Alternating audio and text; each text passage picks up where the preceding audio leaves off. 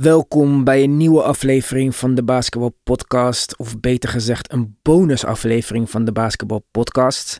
Zo vlak voor de kerst, voor in je zok, gratis en voor niets. Een interview met Mart Smeets, of een gesprek met Mart Smeets zou je het ook kunnen noemen. We gaan het hebben over Fisdale en de Knicks, over James Harden's mislukte dunk of gelukte dunk en de reactie van de Rockets daarop. En dan was er Mart nog iets opgevallen, een trend in de NBA de laatste tijd waar hij zich een beetje aan ergert. Dus zonder jullie al te lang op te houden, laten we maar snel gaan luisteren. Goed, Mart, leuk dat u weer uh, aanschuift bij ons. Het is een tijdje geleden alweer, dank u wel. Alvast. Ik ben ouder geworden, ja. ja, dat worden we allemaal. Hopelijk. Ja, hopelijk. Maar voorlopig. Om maar uh, gelijk met de deur uh, in huis te vallen. New York Knicks ontslaan, ontslaan uh, coach David Fisdale. Ja. Ja, vier wedstrijden gewonnen. Ja.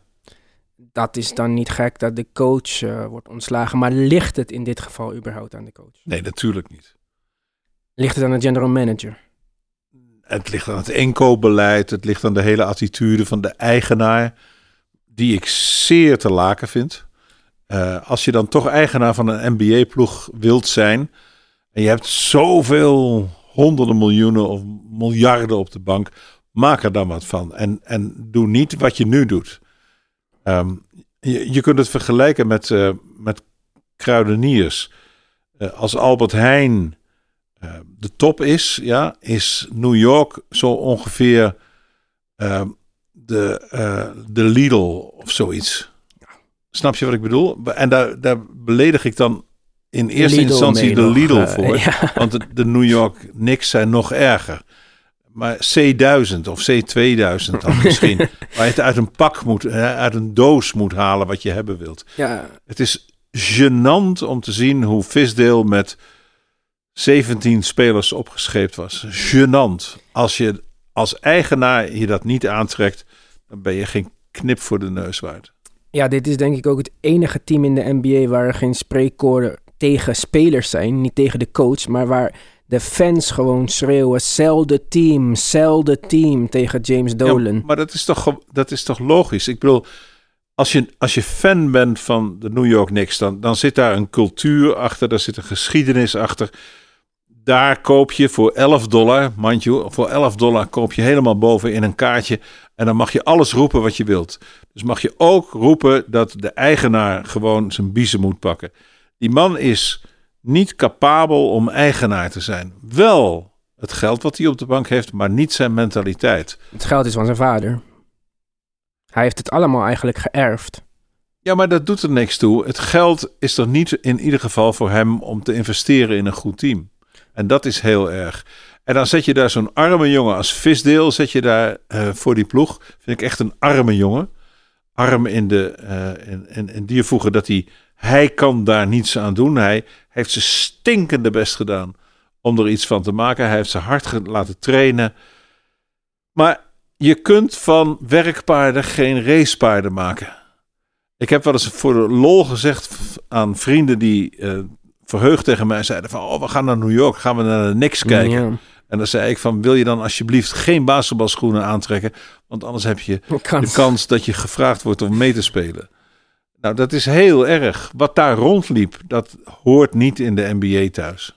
Dus u vindt ook, los van de eigenaar, los van de general manager, dat een coach met dit team niet veel meer had kunnen bereiken? Nee, dat, dat, daar ben ik echt van overtuigd. Kijk, Visdale is natuurlijk nog geen volwassen, goede, gearriveerde coach in de NBA. Daar heeft hij te weinig ervaring voor. Maar de ervaring van de afgelopen jaren was met spelers die niemand wilde, die niemand kende, die moeite hadden om een lay-up te maken, die een spelletje niet konden spelen. Ehm, dus je mag hem niks aanrekenen. Het is de eigenaar die hoort zichzelf te ontslaan en te zeggen van I'm out of here, dit is niet my game. Uh, ik, eh, ik laat het aan een ander. Dus ik, ik hoop dat er iemand is met een gevulde beurs en die dan zegt van... Oké, ik koop dat zootje en ik zet daar mensen neer die er wat van kunnen. Ik neem een general manager die er wat van kan. Ik neem iemand die de spelers gaat selecteren en ik neem een goede coach. Zou mooi zijn als dat zou gebeuren. Dat Ik- hoop ik. Dolan heeft al een aantal keer gezegd: ik ga niet verkopen. En Adam Silver heeft van de week gezegd: het is niet aan ons als NBA om in te grijpen bij de Knicks. Dat, Ja, maar dat, dat vind ik antwoord- niet goed. Maar dat antwoord is toch al heel veelzeggend. Hij zegt het is zo slecht en eigenlijk moet ik ingrijpen, Maar we doen het niet. maar we doen het niet. Want hij werkt ook voor de eigenaren Yes, van de sir. teams. En dat is een hele machtige organisatie. Dat zijn dertig hele rijke mannen, bijna allemaal republikein, die eh, zichzelf heel prettig voelen in, dat, in die omgeving, die republikeinse, eh, in mijn optiek vervelend rechtse omgeving, eh, waar ook de NFL-eigenaren in zitten en ook de eigenaren van de honkballers en van de ijshockeyers, die zitten allemaal in die kant van onze samenleving. Dat, wil, ik, dat neem ik ze niet kwalijk. Dat zijn mensen die heel rijk zijn en door hun rijkdom een bepaalde status hebben verkregen. Die status stelt ze in staat om een team te leiden. Sommigen doen dat fantastisch, sommigen kunnen er helemaal niks van. En deze man in New York kan er niks van. En dat is, dat is bewezen. Er zijn eh, echt weldenkende mensen, collega's van mij in Amerika, die dat al lang opgeschreven hebben, al lang gezegd hebben in een microfoon. Eh, maar eh, hij reageert niet. Hij, hij, kijk, macht corrumpeert, dus macht, omdat je de centen hebt, corrumpeert ook. En dus blijft hij gewoon zitten. Het is lachwekkend. Lachwekkend. Ja, ik denk dat misschien zoveel geld ook een beetje eh, desillusioneert. Ik bedoel, Dolan staat gewoon met zijn bluesbandje in Madison Square Garden. Want ik denk dat hij een rockster is. Ik, ik, ik weet niet of hij nog überhaupt contact heeft met de realiteit. Nee, heeft hij niet. Ik denk het ook niet, eerlijk gezegd. En daarom denk ik ook dat het zo'n uitzichtloze situatie is. Nee, de, de, de- ik, ik ben bang. Nee, ik hoop en ben bang dat er heel snel een kentering komt. En dat ze iemand tegen hem zegt van... joh, dit was het. Tot ziens. Ga iets leuks doen. Ja. Ja, koop iets wat, wat, wat veel spannender Een is. eiland dan, of zo. Ja, ja mooi. En, of, of een auto die naar de maan kan rijden. Gooi je daarin al die centen die je hebt. Maar laat basketbal aan basketbalmensen. Ja, dat zou heel mooi zijn. Normaal gesproken zie je ook dat als er een headcoach-positie eh, beschikbaar is in de NBA, dat iedereen staat te springen van coaches uit het Oh, maar verleden. niemand tot- durft nu zijn maar hand op nu te is het gewoon, mensen willen niet voor een paar miljoen hoofdcoach worden van een ploeg in de Mecca. Ja, nou, Dat, En- dat, ja, dat, dat moet is toch heel zeggen. triest? Goed, volgende onderwerp. Ja. Afgelopen week, James Harden dunkt een bal, Ja. komt in het netje terecht, eh, verwarring ontstaat. In eerste instantie was niet te zien dat het gewoon een, een, normale dunk was die zo hard ging dat hij er weer uitvloepte. We gaan naar de review. De scheidsrechters bekijken het, die zeggen nee, het is no basket. De wedstrijd gaat uiteindelijk verloren met twee punten. Houston Rockets boos. Die zeggen, luister, die laatste 7,5 minuut moet opnieuw gespeeld worden. Of wij willen de punten toegekend krijgen, de winst. Want het was gewoon een made basket. Eh, coach D'Antoni reageert, zegt ik wou challengen. Dat mocht niet. Waarom mocht het niet? Scheidsrechters reageren. Die zeiden in eerste instantie gingen we kijken voor een eh, goaltending, offensive eh, interference. Toen wou Mike D'Antoni challengen. Zeiden ze nee, het is eigenlijk niet dat. Toen wou Mike D'Antoni challengen voor eh, het tweede vergrijp. En toen zei ze nee, je bent te laat. 30 seconden had je voor de coaches challenge. En dit roept zoveel eh, frustratie op onder de coaches. We hebben een coaches challenge en geen één coach wil die challenge. Klopt. Aan de andere kant telt ook, en ik zal een van de weinigen zijn die dat durft te zeggen, dat de wedstrijd door Houston niet verloren is door die niet toegekende twee punten. Ja, Houston moet zich doodschamen dat ze die wedstrijd nog lieten lopen. vind ik. En dat kwam niet door die niet toegekende dunk. Het is natuurlijk Frank dat als het echt een punt was, maar hoe vaak gebeurt het niet dat een blok eigenlijk goaltending was? Of dat een goaltending eigenlijk geen goaltending was, maar een blok. En dan gaat True. de wedstrijd ook verloren met Ben minder ik met je punten. eens. In diezelfde wedstrijd terugspeelbal op eigen helft naar Russell Westbrook. Had ook anders Het is allemaal als, als, als. Ja, maar maar je stond telt 18 niet, hè? punten voor. Ja. Dat was eigenlijk genoeg geweest. En dus moet Mike D'Antoni, die de eigenschappen van een huilenbalk heeft, en Heel vooral veel. om deze situaties, die moet zijn mond houden. Hij had zo goed moeten coachen dat die 18 punten voorsprong nog in handen van Houston was gebleven. Ja. Ik geef toe dat het heel gek was. Ik geef toe dat het moeilijk te zien was. Ik heb zelfs gehoord dat er mensen zeiden die, dat het pas een basket is als de bal de grond heeft geraakt. Ik weet niet of dat ja, juist volgens mij is is. dat niet de regel. Maar die, ja, die regels die ken ik niet uit mijn hoofd. Het was merkwaardig wat er gebeurde. Maar het was niet de oorzaak van de verlieswedstrijd van de Houston Rockets. Goed, nou dan zijn we het daar sneller over eens, of snel over eens. Eh, buiten de microfoon praten wij ook nog wel eens over basketbal. Ja, vervelend. Ja. en nu eh, zei u tegen mij daarnet eh defense in de NBA.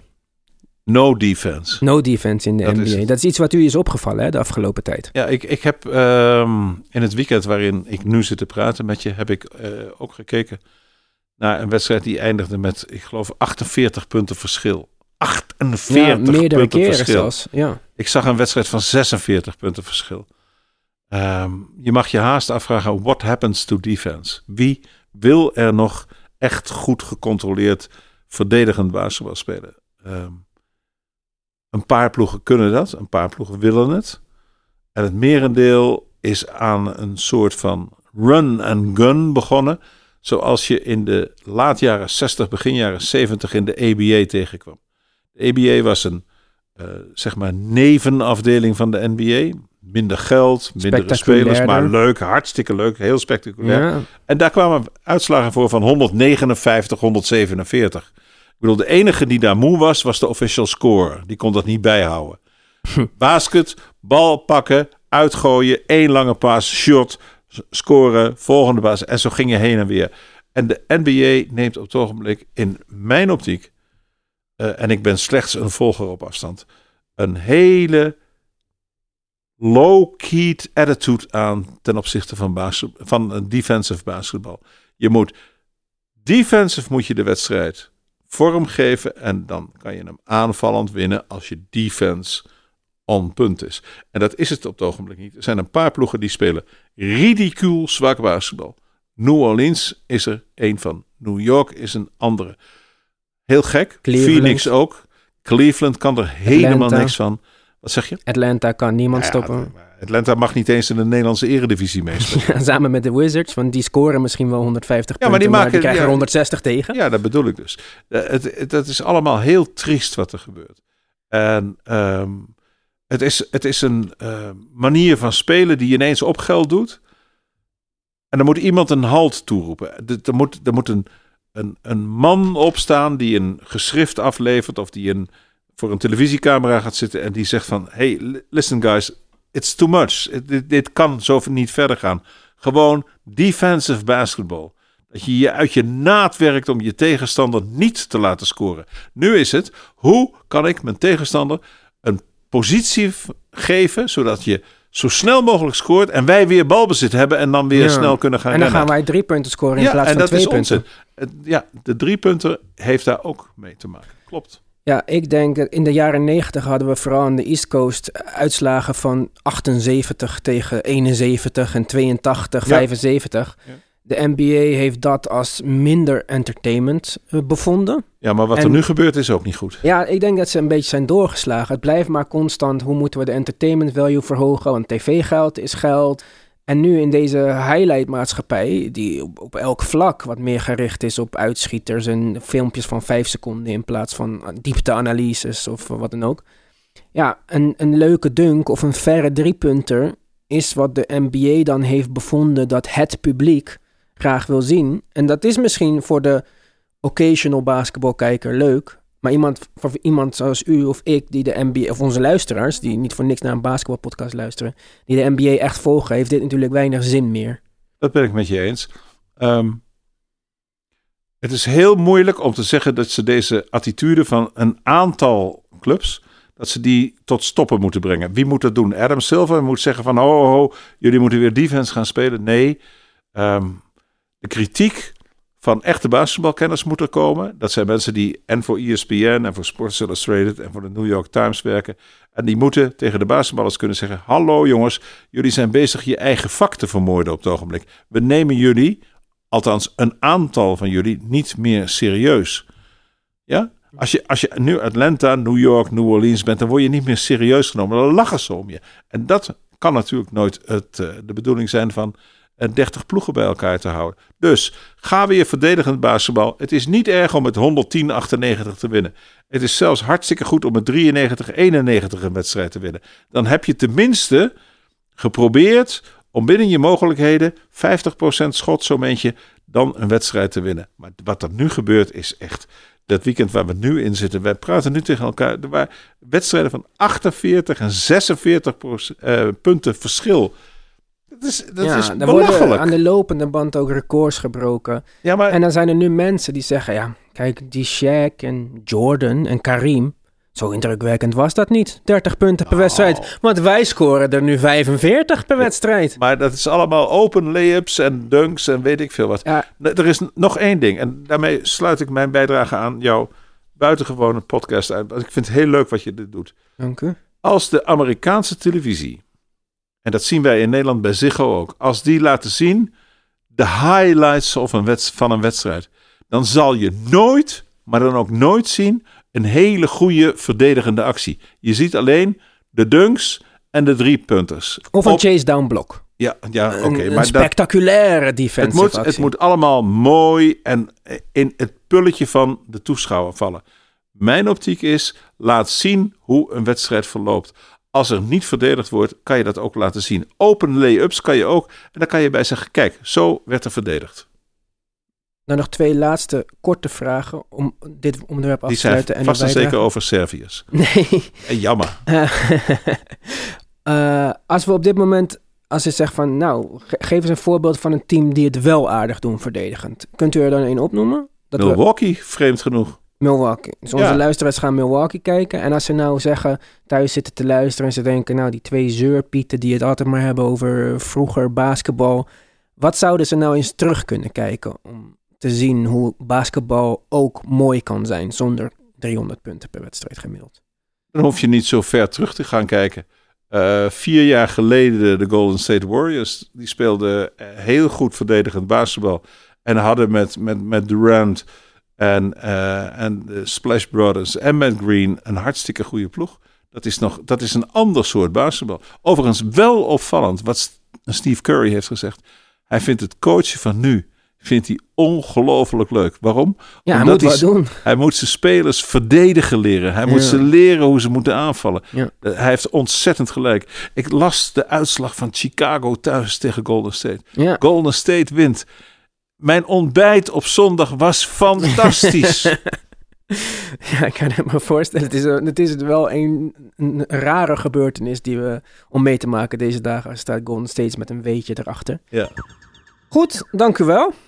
Ik Merry Christmas. Ga je, wat ga je doen? Ga je naar, ga je naar eh, Joegoslavië toe met kerst of moet je werken? Nou, ik, ik geloof dat eh, wij al een aantal jaren beide hetzelfde doen met kerst. Dus wij werken. Wij vieren het samen. Goed zo. Tot dan. Hoi. Fijne avond. Nou, ik hoop dat jullie het leuk vonden. Als je meer wilt horen van Mart Smeets of als je een vraag hebt van Mart, e-mail ons dan naar de basketbalpodcast@gmail.com of laat een reactie achter op onze Instagram de basketbalpodcast. Wat kan je deze week nog meer van ons verwachten? Nou, we hebben deze week een normale uitzending. Met Mark zal ik de updates en het nieuws bespreken van de afgelopen week en deze week. En dan hebben we nog een hele bijzondere aflevering opgenomen. Ik en David gaan het hebben over de 20 beste spelers in de NBA. En dan doen we een soort all-star-achtige draft. Ook een leuke uitzending. Dus hou onze feed in de gaten. Waar je ons ook volgt op Stitcher, op Spotify, op Apple Podcasts. 5-star ratings, altijd welkom. Voor nu tot ziens, maar weer tot snel.